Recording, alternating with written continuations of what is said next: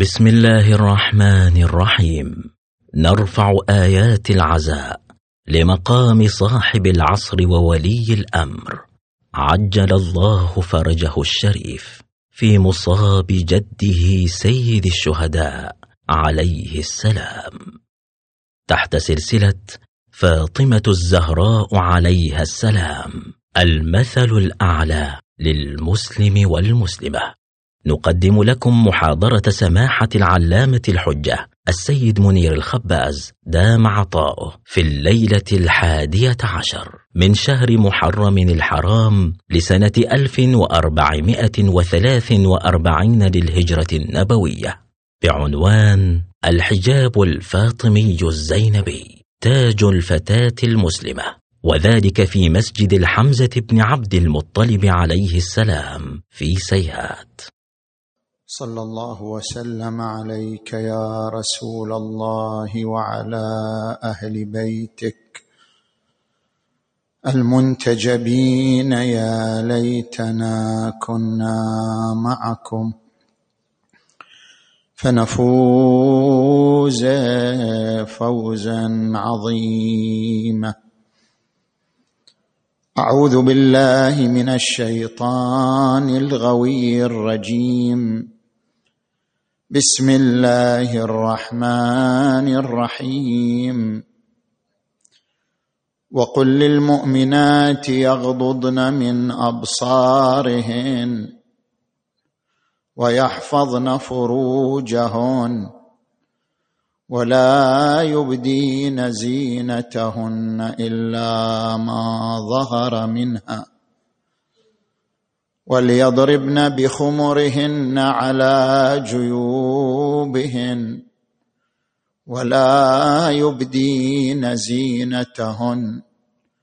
آمنا بالله. صدق الله العلي العظيم.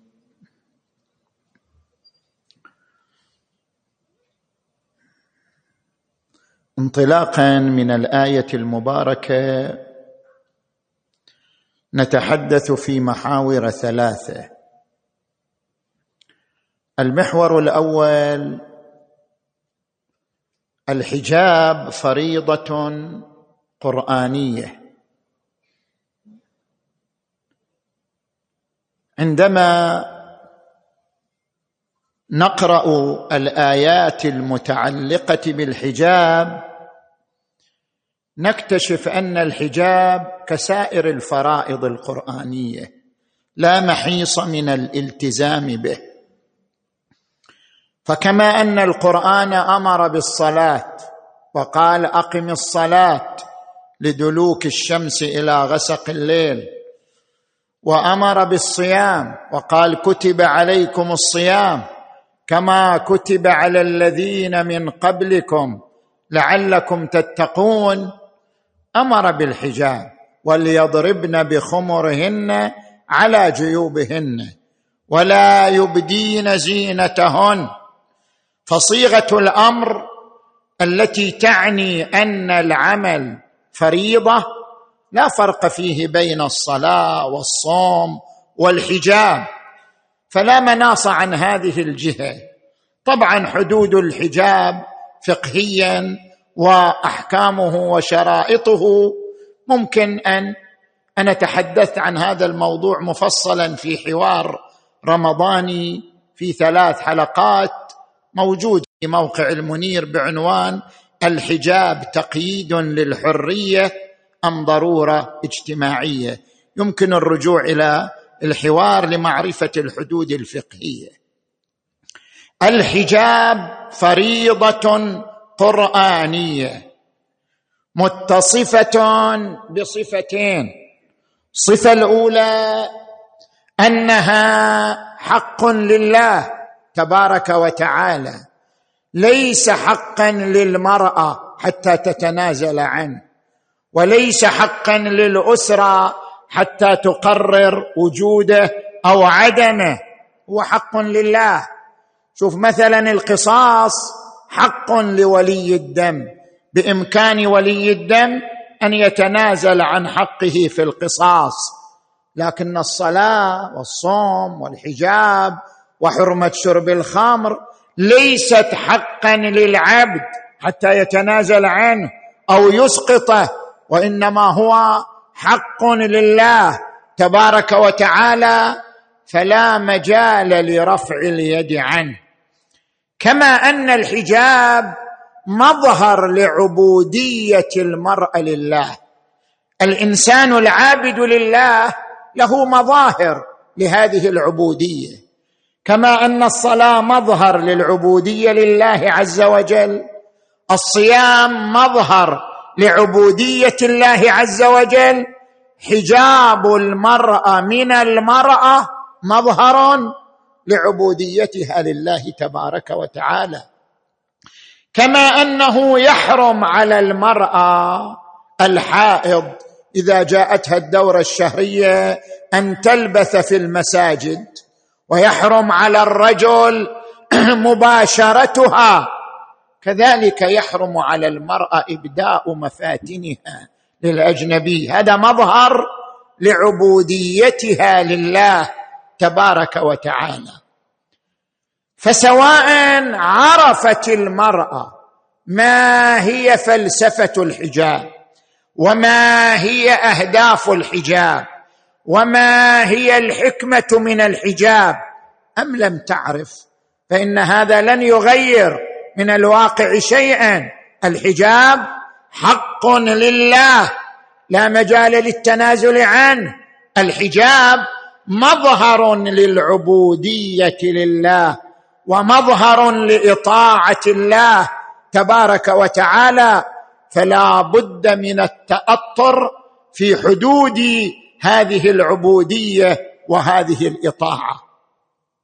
نعم القرآن الكريم كما ذكر اهدافا للفرائض الأخرى ذكر اهدافا للحجاب.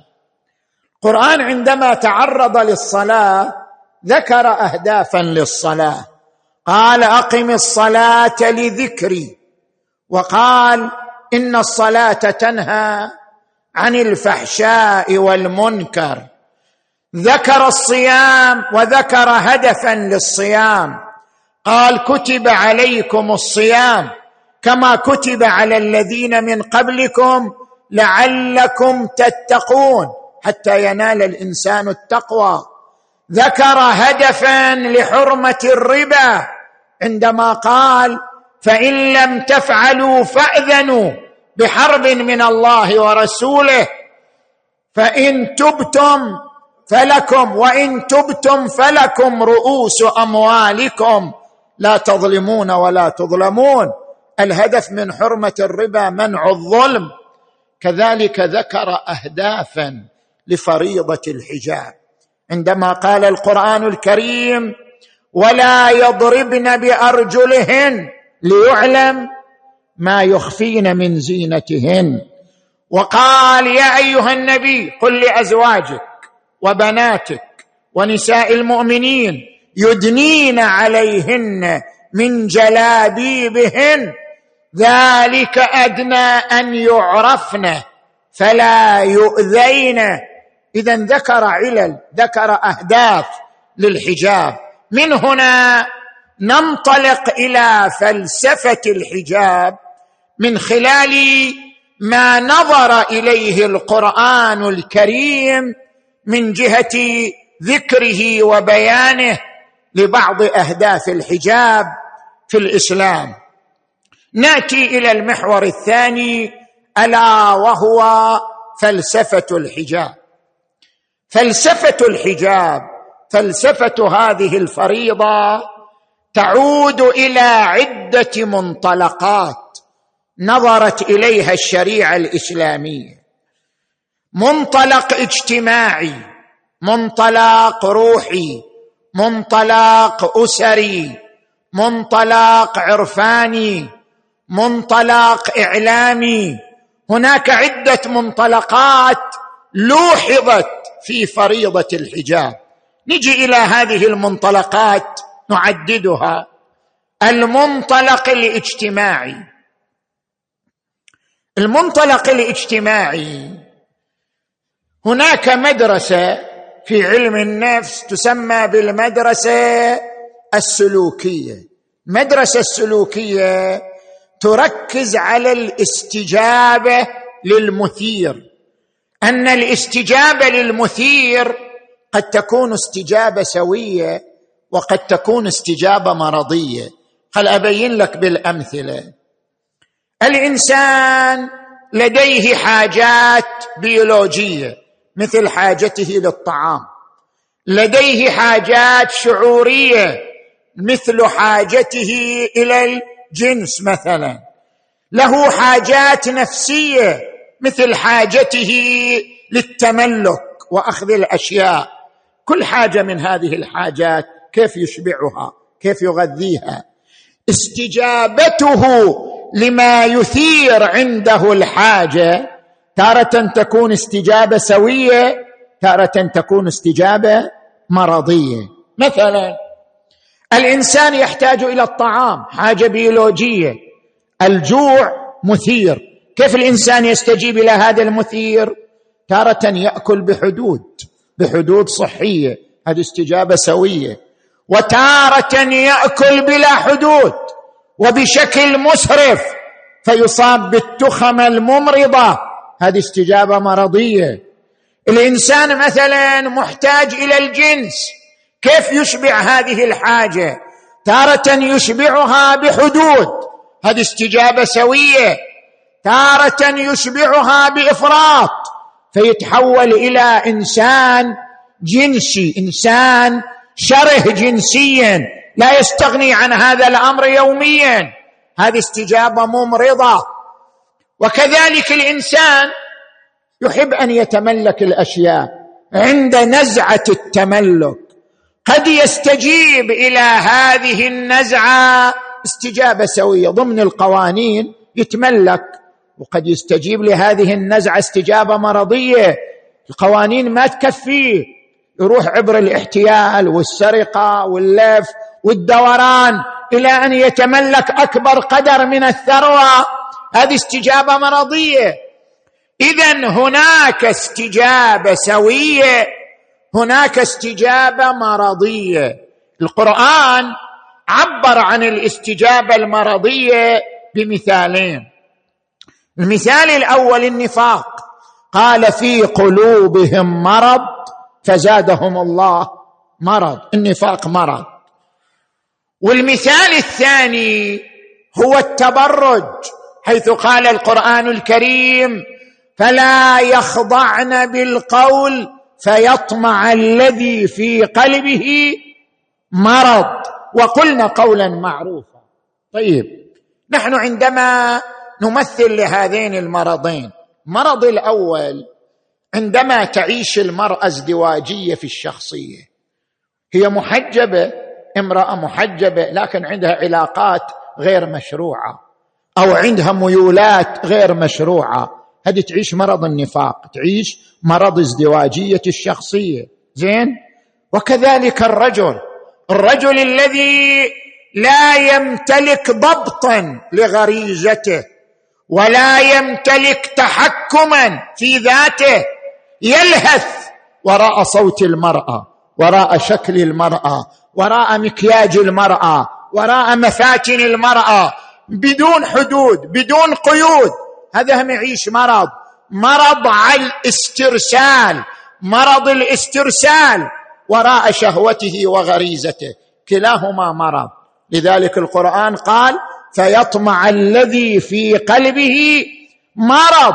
وقلنا قولا معروفا. اذا من هنا من أجل صيانة المجتمع عن هذه الأمراض. مرض ازدواجية الشخصية مرض الاسترسال وراء الشهوات والغرائز من أجل منع هذه الأمراض. جاء الإسلام فرض حدود من أجل صيانة المجتمع من مرض الاسترسال وراء الغرائز والشهوات. فقال قل للمؤمنين أول بدأ بالرجل. بعض النساء يقول ليش أنتم تحكوا كله على النساء؟ ما تحكوا على الرجال. هو بدأ بالرجل القرآن ما بدأ بالمرأة بدأ بالرجل. يعني الرجل مسؤول اولا عن صيانة المجتمع عن الاسترسال وراء الشهوات. قل للمؤمنين يغضوا من أبصارهم ويحفظوا فروجهم. ذلك أزكى لهم. ان الله خبير بما يصنعون وقل للمؤمنات يغضضن من ابصارهن ويحفظن فروجهن ولا يبدين زينتهن الا ما ظهر منها وليضربن بخمرهن على جيوبهن ولا يبدين زينتهن الا لبعولتهن. اذا الرجل والمراه كلاهما مسؤولان عن صيانه المجتمع عن الاسترسال وراء الشهوات. الرجل يغض بصره والمرأة تستر بدنها. كل منهما يمارس وظيفه لمنع انهيار المجتمع وراء مرض الاسترسال وراء الشهوات. هذا المنطلق الأول للحجاب منطلق اجتماعي. المنطلق الثاني منطلق روحي. كيف يعني منطلق روحي؟ عندما نأتي أيضا للمدرسة الثانية في علم النفس سموها المدرسة الاستبطانية. المدرسة الاستبطانية تركز على مبدأ تأجيل اللذة. كيف يعني تأجيل اللذة؟ كل إنسان إلى ثلاثة أنواع من اللذة. لذة حسية مثل اللذة بالطعام. ولذة نفسية مثل لذة الحب. إذا شعر الإنسان بطعم الحب بينه وبين أمه بينه وبين زوجته هذه لذة نفسية ولذة عقلية. عندما يكون الإنسان قادر على حل معادلات رياضية قادر على حل طلاسم يصاب بلذة لذة عقلية. الإنسان إلى ثلاث أنواع من اللذة.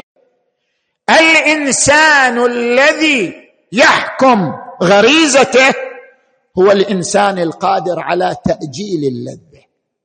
كيف يعني تأجيل اللذة؟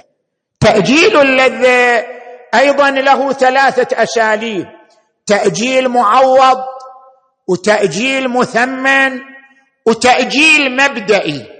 التأجيل المعوض أنا أؤجل بعوض مثل ما الطالب أيام الامتحانات شو يسوي؟ يقلل علاقاته مع الأصدقاء يقلل النوم يقلل الأكل يعني جاي يأجل لذاته يؤجل لذته حتى يحصل على العوض وهو التفوق الدراسي. هذا يسموه تأجيل معوض. قسم ثاني تأجيل مثمن. مثل هؤلاء اللي يبذلوا أوقاتهم. يبذل أوقاته يبذل وقته يبذل جسمه يبذل طاقته في خدمة الناس بلا مقابل في خدمة المآتم في خدمة الفقراء في خدمة المشاريع الخيرية. هذا يؤجل كل ذاته لكن هذا التأجيل مثمن. مقابل هذا التأجيل يثني عليه المجتمع. رجال لا تلهيهم تجارة ولا بيع عن ذكر الله. من المؤمنين رجال صدقوا ما عاهدوا الله عليه. لكن عندنا نوع ثالث من التأجيل هو أرقى أنواع التأجيل. التأجيل المبدئي. إيش معنى التأجيل المبدئي؟ يعني اللي يأجل لا لغرض العوض ولا لغرض أن يكتسب سمعة أو أن يكون له مدح ابدا لأنه يرى في التأجيل مبدأ. أصلا هو يرى من مبادئ تأجيل اللذه كما يرى من مبادئه الصدق كما يرى من مبادئه الأمانة يرى من مبادئه شنو؟ تأجيل اللذه نفس تأجيل اللذه مبدأ من المبادئ. لذلك يقول العرفاء اللذة في ترك اللذة. يعني اللذة الروحية في ترك اللذة الجسمية. نفس تأجيل اللذه هو مبدأ من المبادئ. لذلك القرآن يمدح هؤلاء ويقول إنما يوفى الصابرون أجرهم بغير حساب ويقول عنهم فأما من خاف مقام ربه ونهى النفس عن الهوى فإن الجنة هي المأوى. هؤلاء يمارسون تأجيل اللذة. زين. من التأجيل المبدئي حجاب المرأة. المرأة بطبيعتها تحب أن تبرز أنوثتها تحب أن تبرز جمالها تحب أن تبرز أناقتها. طبيعة فطرية عند المرأة هكذا. عندما يقول لها الدين إبراز الجمال وإبراز الأناقة وإبراز الانوثه لذة لذة تمارسها المرأة عندما تبرز جمالها وأنوثتها لأي ناظر. عندما يمدح يمدحها أحد في جمالها تلتذ حتى المرأة العفيفة. شوف حتى المرأة العفيفة الملتزمة إذا يجي أحد يمدح جمالها ترتاح نفسيا. طبيعة في المرأة هكذا. طبيعة المرأة أنها تحب أن يمدح جمالها. طبيعة المرأة أنها تحب أن تبرز جمالها وأناقتها. هذه لذة تمارسها المرأة. عندما يقول لها الإسلام هذه اللذة أجليها. أجلي هذه اللذة لعلاقة الزواج. بدون زواج لا تمارسي هذه اللذة. أجلي هذه اللذة إلى يوم القيامة. نفس تأجيل اللذة هو مبدأ روحي تمارسه المرأة. اذا الحجاب هو تأجيل للذة. بدل أن تبرز مفاتنها وتحرز لذة في إبراز المفاتن ستر مفاتنها لون من ألوان تأجيل اللذة وهو مبدأ عظيم يدل على قوة الإرادة ويدل على الصبر ويدل على التحكم في الغرائز واللذات والشهوات. وبالتالي الحجاب مظهر روحي ومبدأ وصورة من صور مبادئ تأجيل اللذة التي تمارسها المرأة من خلال التزامها بالحجاب.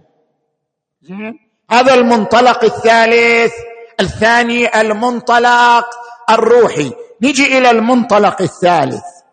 ألا وهو المنطلق العرفاني. علماء العرفان يقولون الله تبارك وتعالى له صفة العزة. شنو معنى؟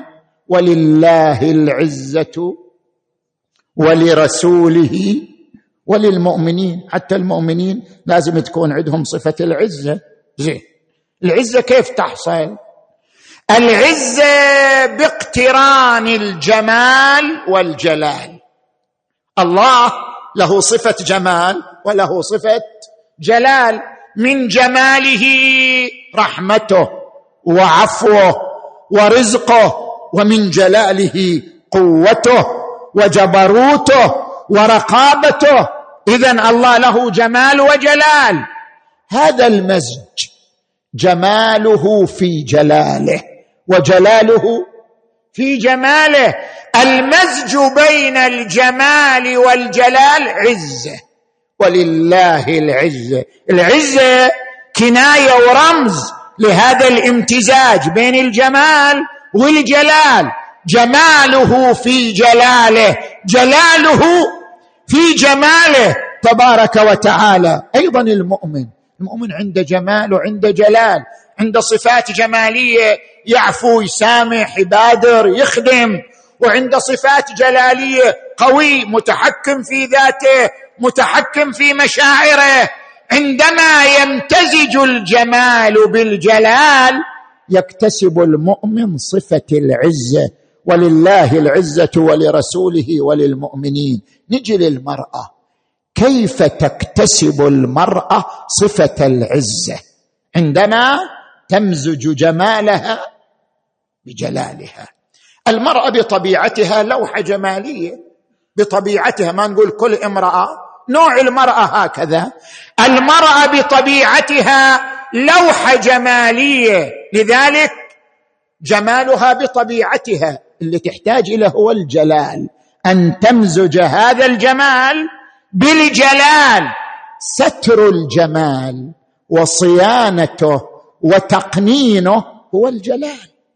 عندما يكون الجمال معروض لكل شخص ومبذول لكل ناظر ولكل محدق اذا الجمال موجود لكن الجلال غير موجود. أما عندما تقوم المرأة بستر هذه المفاتن وتضع تقنين لإبرازها لمفاتنها ولا يبدين زينتهن إلا لبعولتهن أو أبناء بعولتهن أو آباء بعولتهن أو إخوان. يعني هو المرأة من حقها أن تبرز جمالها لكن ضمن هذه الحدود الذي يحفظ جمالها بجلالها.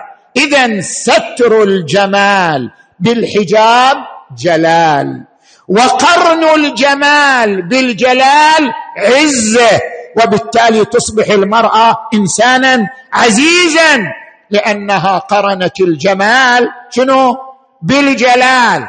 ترى المرأة المبذولة رخيصة لكن المرأة المتمنعة المتسترة هي التي ترى عزيزة وترى غالية وترى مهمة. دائما الابتذال يساوي الرخص أي بضاعة تعرضها في السوق. إذا هي مبتذلة تصبح رخيصة. إذا هي بضاعة نادرة تصبح غالية وعزيزة. اذا الابتذال مساوق للرخص بينما التغنج والتمنع ومزج الجمال بالجلال هو الذي يعطي الغلاء والعزه شوف لاحظ سامي عامري عنده دراسة في مجلة نيويورك تايمز. في هذه الدراسة كتب دراسة عن الإعلانات والدعايات اللي تنشر على مستوى العالم. تدري في اليوم الواحد ينفق الرجال ملايين الدولارات. لأجل ماذا؟ لأجل أن تبرز المرأة من خلال إعلان أو دعاية. تنفق الشركات مليارات الدولارات من قبل الرجال على أن تبرز المرأة في ملابس داخلية أو أن تبرز المرأة في ملابس السباحة أو أن تبرز يدها أو ساقها أو رجلها على كل منتج على كل مصطنع حتى على المشروبات العادية توضع صورة المرأة. لماذا كل هذا؟ لأن صاحب الدراسة يقول اكتشفنا من خلال هذه الدراسة سحر التأثير البصري لصورة المرأة على الرجل.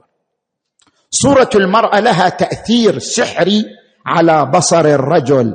سحر التأثير البصري لجسم المرأة على الرجل.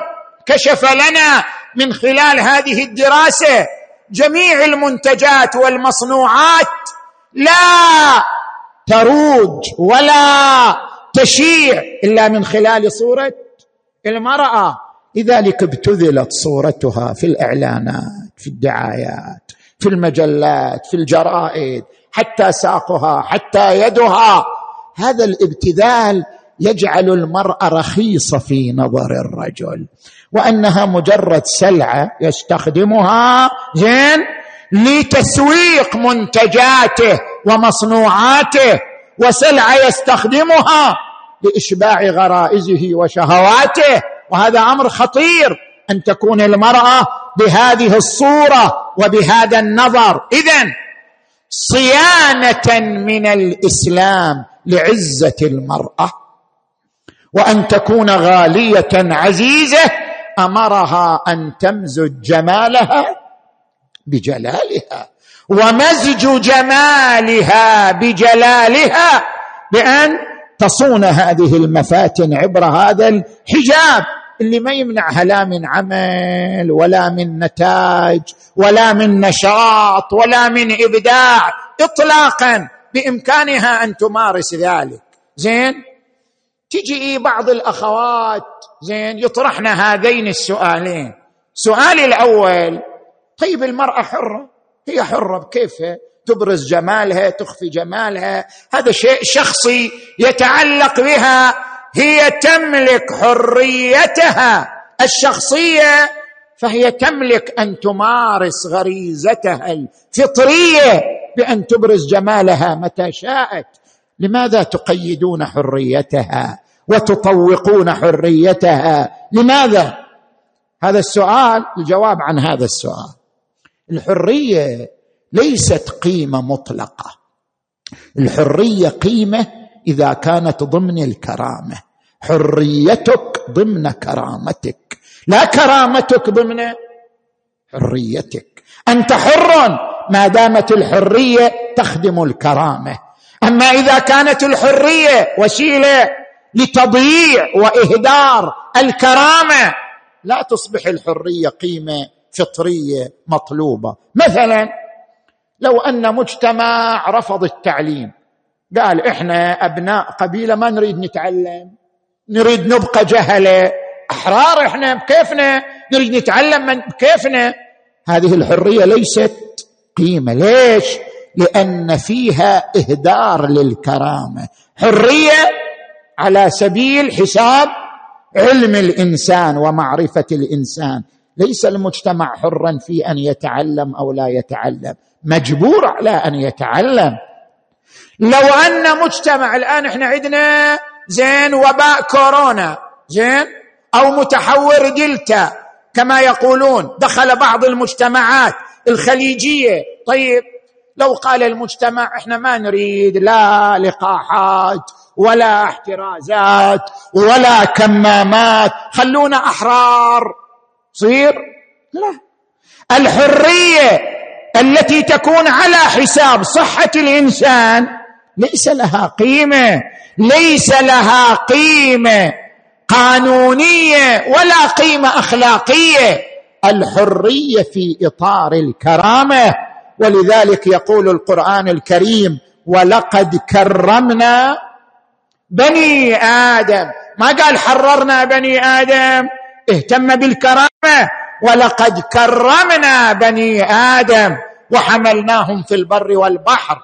اذا الحرية في إطار الكرامة. انطلاقا من هذا المرأة حرة لكن إذا كانت حريتها تضمن كرامتها وكرامتها في الجمع بين الجمال والجلال وليست كرامتها أن تصبح سلعه رخيصة كما تريدها بعض الشركات أو بعض الحركات التحررية. زين. تجي إلى السؤال الثاني. بعض الأخوات يطرحن هذه النقطة وهي طيب إذا كانت المرأة محتشمة وعفيفة بعد ليش الحجاب؟ الهدف من الحجاب منع المجتمع من الاسترسال وراء الشهوات. طيب هذه المرأة ممتنعة لأنها تحمل العفه وتحمل الاحتشام في جوانحها فهي بعيدة ابن الاسترسال وراء الغرائز والشهوات. فلماذا يفرض عليها الحجاب؟ ما دامت تمتلك العفة والاحتشام. لاحظ هنا. هذه القضايا شكل ومضمون. يعني شلون شكل ومضمون؟ مو القضية قضية مضمون بدون شكل ولا شكل بدون مضمون. يعني مثلا الصلاة. الصلاة شكل ومضمون. صلاه شكل وهو هذه الحركات من قيام وقعود وركوع وسجود. ومضمون أيضا. القرآن يقول إن الصلاة تنهى عن الفحشاء والمنكر. فلو قال الإنسان أنا ما أحتاج للصلاة لأن أنا عندي تأملات روحية بيني وبين ربي. زين؟ ومن خلال هالتأملات الروحية لا أمارس لا الفحشاء ولا المنكر. بعد إيش تريدوا مني؟ وخلاص ماكو داعي للصلاة. هل يمكن؟ نقول لا. قوتك على ترك الفحشاء والمنكر هذه القوة لا بد لها شكل يبرزها. والشكل الذي يبرزها هو الصلاة. يجي إنسان مثلا يقرأ قوله تعالى ولا تقربوا الزنا إنه كان فاحشة وساء سبيلا. يقول لك ليش الله حرم الزنا؟ حرم حتى لا تختلط الانساب طيب المرأة تشرب حبوب منع الحمل زين؟ أو الرجل يكون عقيم وبالتالي يمارس الجنس. عبر الزنا بلا داء بلا مانع لأن الهدف من حرمة الزنا تحقق وهي منع اختلاط الأنساب. تنتهي المشكلة. نحن نقول لا. الابتعاد عن الزنا عفه وهذا هو شكلها وهذا هو مظهرها. مظهرها أن يترك الإنسان الانجرار وراء الزنا. اذا هناك مضمون وهناك شكل يبرز المضمون. المرأة عفيفة لكن تبرز عفتها بحجابها.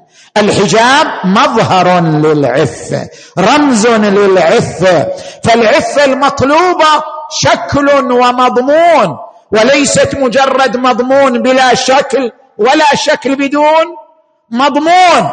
العفة مضمون يتجلى ويبرز من خلال هذا الشكل الذي تلتزم به المرأة ألا وهو شكل الحجاب.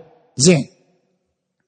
نجي الآن إلى المنطلق الرابع. ألا وهو المنطلق الأسري. شلون يعني المنطلق الأسري؟ ويلد يورانت في كتابه قصة الحضارة. يقول قام الزواج على نزعتين. نزعة الاستحواذ عند الرجل ونزعة التغنج عند المرأة. الرجل يريد يصطاد المرأة يريد يصل إليها. طبيعته هكذا أنه يسعى نحو المرأة. المرأة بطبيعتها تتمنع. تعيش التدلل والتغنج أمام الرجل. لولا هاتان النزعتان لكان الزواج بلا معنى. الزواج يقوم على حب الرجل للمرأة وتغنج المرأة أمام الرجل. هاتان النزعتان دعامتان لبناء الزواج ولكيان الزواج. لذلك الرجل بطبعه يحب المرأة الممتنعة. ولا يميل إلى المرأة المبذولة. زين؟ هذا بطبع الرجل. فمتى ما بذلت المرأة مفاتنها لكل رجل؟ شرقا غربا مبذولة. متى ما بذلت المرأة مفاتنها؟ تتحول العلاقة بينها وبين الرجل إلى علاقة جنسية وليست علاقة عاطفية. بعد الرجل ما يميل إليها عاطفة يميل إليها جنسا. طبيعة الرجل أنه يميل إلى المرأة المتمنعة لكي يصل إليها.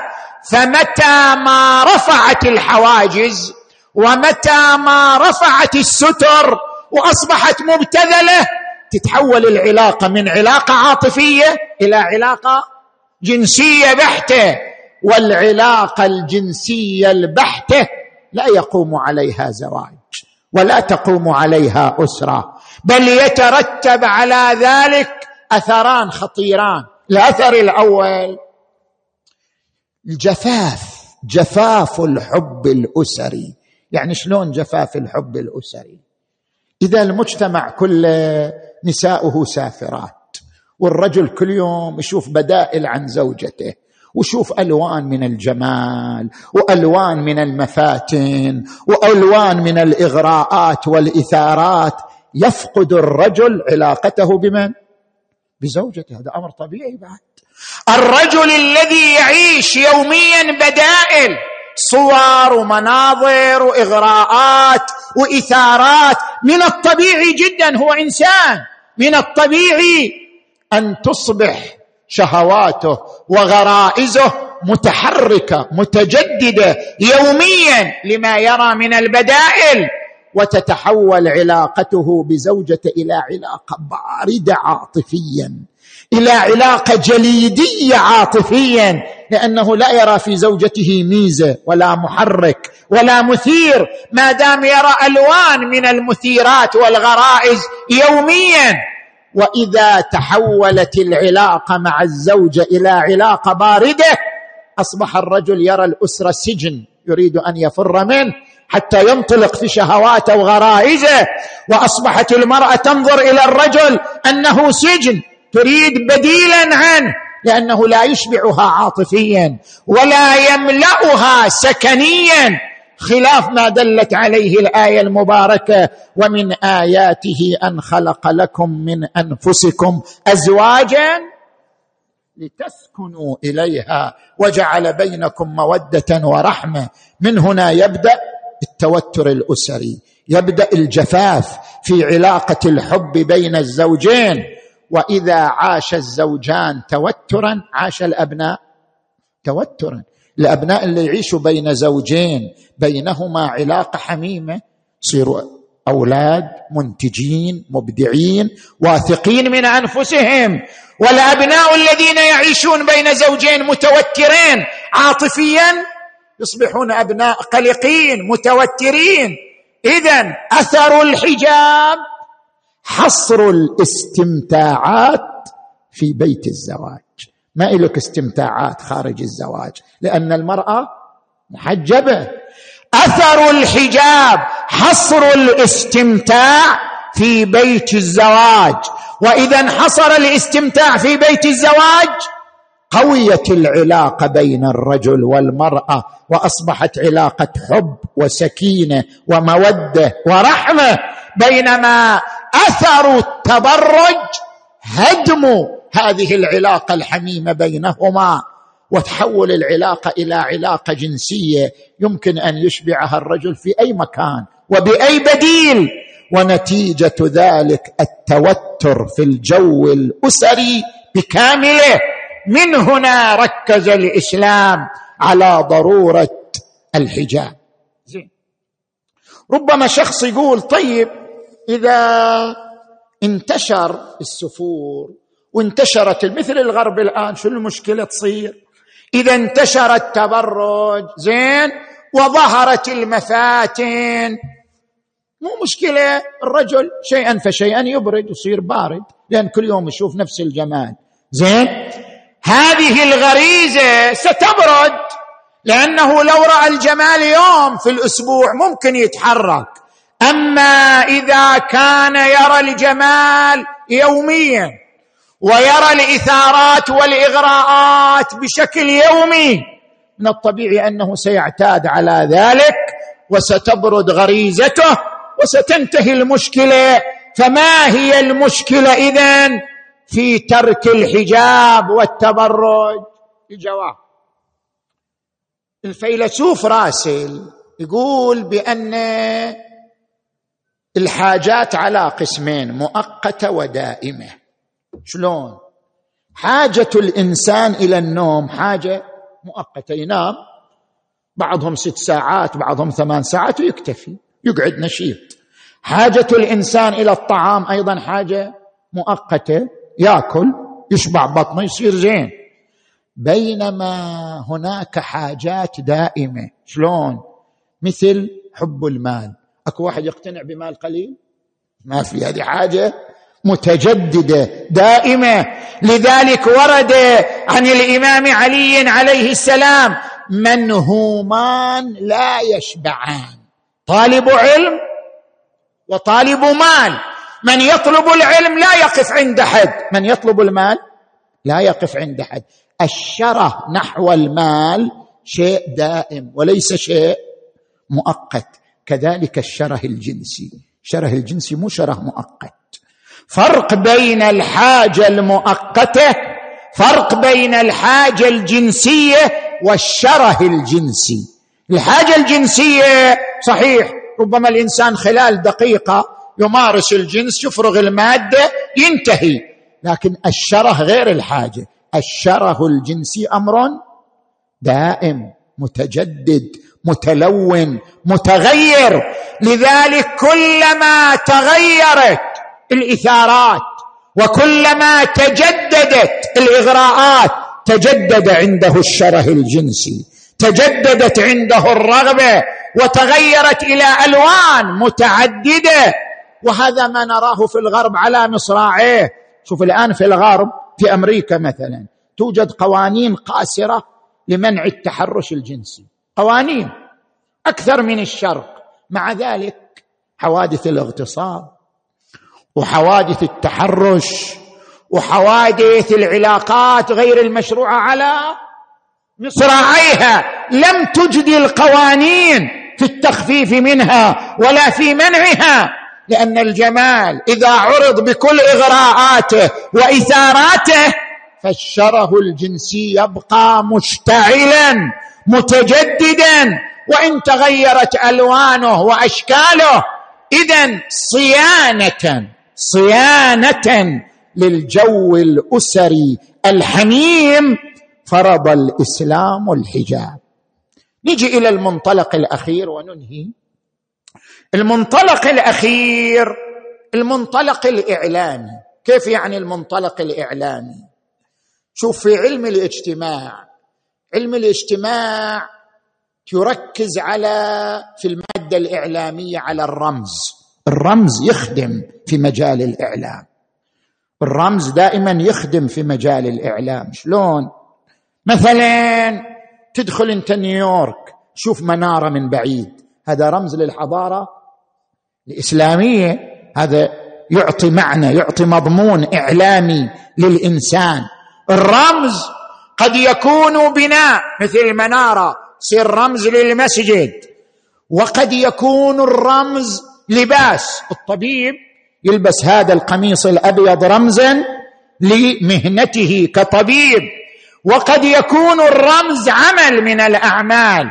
شوف الإنسان الحاج يرمي جمرة العقبه بسبع حصيات. هذا العمل عمل شنو؟ عمل رمزي يرمز إلى التخلص من الشيطان. اذا الرمز له دلالات إعلامية مهمة من تلك الرموز. الحجاب. الحجاب رمز للهوية الإسلامية. الحجاب رمز للحضارة الإسلامية خصوصا في الغرب. أنت من تنزل الغرب تشوف امرأة محجبة تعرف أن هذه امرأة ملتزمه بدينها بمبادئها. هذه الدلالة الرمزية يراعيها الإسلام. مراعاة كبيرة جدا. هذا رمز للهوية الإسلامية رمز للحضارة. لا يمكن رفع اليد عنها ولا يمكن التنازل عنها. اذا من هذه المنطلقات نفهم فلسفة الحجاب. في الإسلام. نجي إلى المحور الأخير من حديثنا. كربلاء وقصة كربلاء. كربلاء محور للقيم ومحور للمثل العليا. من كربلاء نتعلم القيم. زينب وما أدراك ما زينب عليها السلام. زينب ونساء الحسين وبنات الحسين يعلمنا الأجيال كلها القدوة والمنار في الالتزام بالحجاب.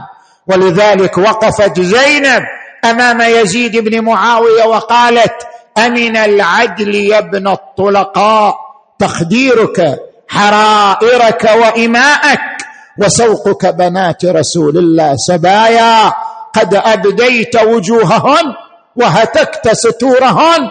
لا من حماتهن حمي ولا من ولاتهن ولي. اذا قاعدة تعرض عظمة وأهمية الالتزام بالحجاب صلوات الله عليها من قيم كربلاء قيمة الإيثار. العباس بن علي ينزل إلى الماء ولكن بمجرد أن يتذكر أخاه الحسين وهو محتاج إلى الماء حاجة ماسة وفي آخر لحظات حياته لكن خلق الإيثار تجلى في شخصيته. فقال يا نفس من بعد الحسين هوني وبعده لا كنت أو تكوني هذا حسين وأرد المنون وتشربين بارد المعين؟ تالله ما هذه فعال ديني ولا فعال صادق اليقين؟ تجي إلى قيمة الإصرار على المبادئ وعدم التنازل عنها. عندما يبرز علي الأكبر أنا علي ابن الحسين ابن علي نحن وبيت الله أولى بالنبي. تالله لا يحكم فينا ابن الدعي. هذا مبدأ لا نتنازل عنه. حسين أيضا يمثل هذا المبدأ عندما يقول أنا الحسين بن علي آليت ألا أنثني. والله لا أعطيكم بيدي إعطاء الذليل ولا أقر إقرار العبيد. ألا وإن الدعي ابن الدعي قد ركز بين اثنتين بين السلة والذلة وهيهات منا الذلة. يأبى الله لنا ذلك ورسوله والمؤمنون. تجي إلى قيمه أيضا من القيم العظيمة في كربلاء التي تجلت يوم كربلاء. قيمة التعاون. شيوخ شباب أطفال كلهم ظهروا بصورة واحدة. الشيخ حبيب بن مظاهر الشاب علي الأكبر الصبي القاسم بن الحسن.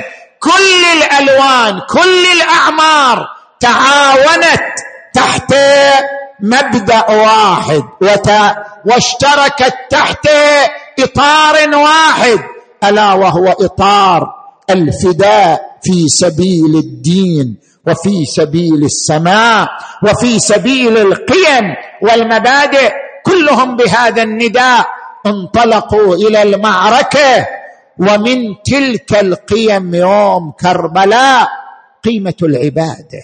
تصور أن جماعة مقبلين على الموت ويدروا بكرة كلهم رايح يموتوا. يبيتون ليلتهم في العبادة. قائمين قاعدين راكعين ساجدين يتزودون من الصلاة. وفي اليوم الثاني في وسط الحرب والمعركة قائمة يقف الحسين ويصلي لربه صلاة الظهر. قيمة العبادة والإصرار على الصلاة. تجلى يوم عاشوراء.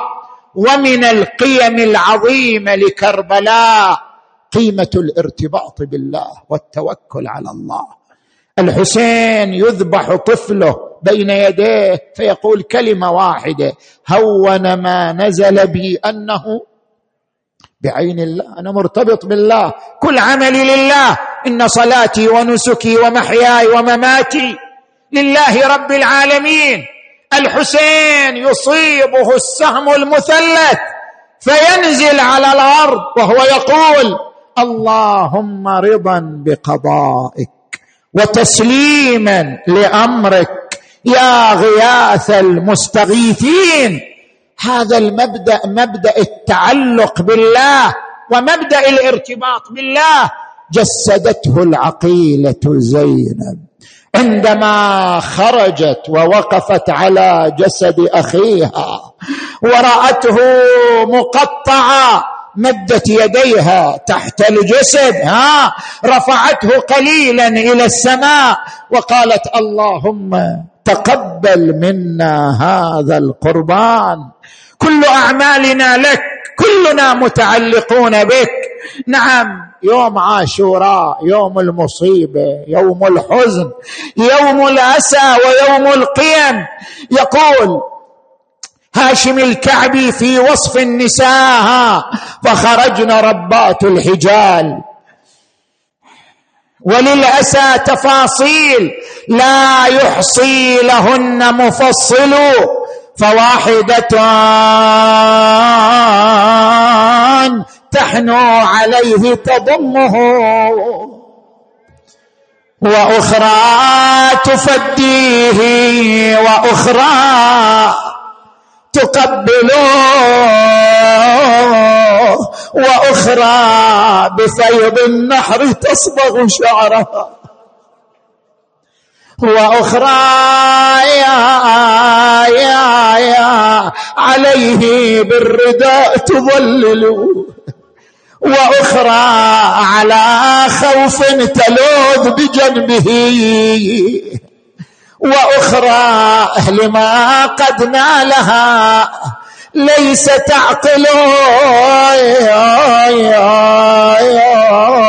بعد من جملة النساء العقيلة زينب. لما رأت أخيها مقطع الأشلاء نادت يا ابن سعد أما فيكم مسلم؟ يجهز هذا الجسد العريان. قال أبعد اليتامى والأطفال عن جسده حتى نقوم بتجهيزه. صارت كلما رفعت يتيمة سقطت أخرى.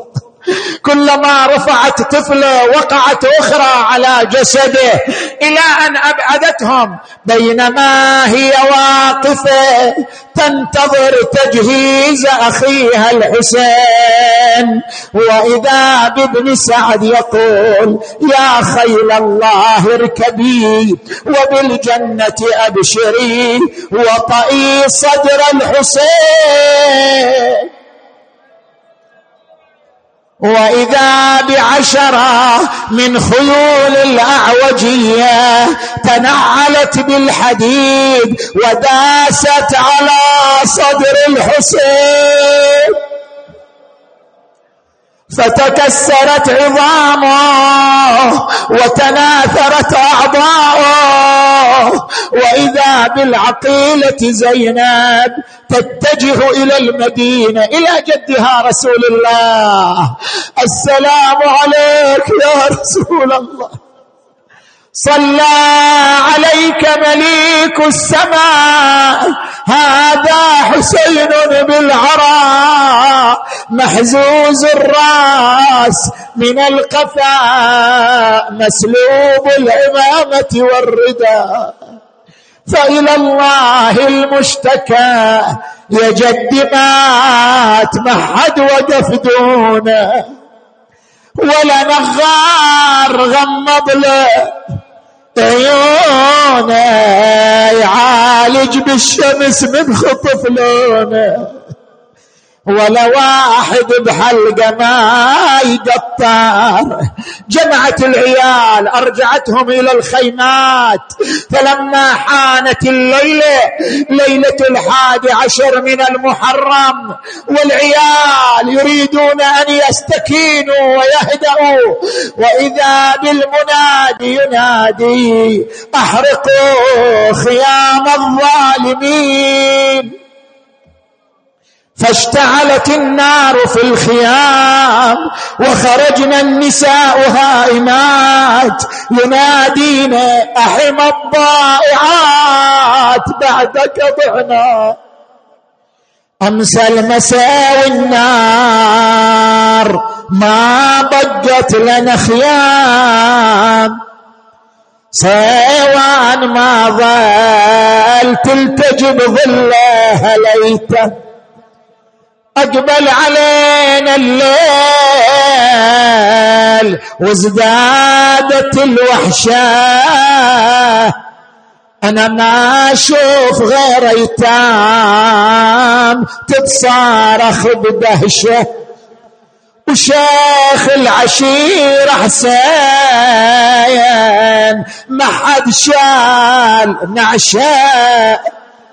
مطروح وبجنبه علي الأكبر جسا. أنا أصبحت ورجال هاشم حالي وقوف. ومسيت ما لقناع وتستر بالجفوف. ويا يتامى قلوبهم طارت من الخوف. أحجاب صوني في أمان الله. يا الله. اللهم بحق الحسين الوجيه وجده وأبيه وأمه وأخيه والتسعة من بنيه. بحق العقيلة زينب. اللهم اكشف هذه الغمة عن هذه الأمة. اشف مرضانا ومرضى المؤمنين والمؤمنات. اقض حوائجنا وحوائجهم.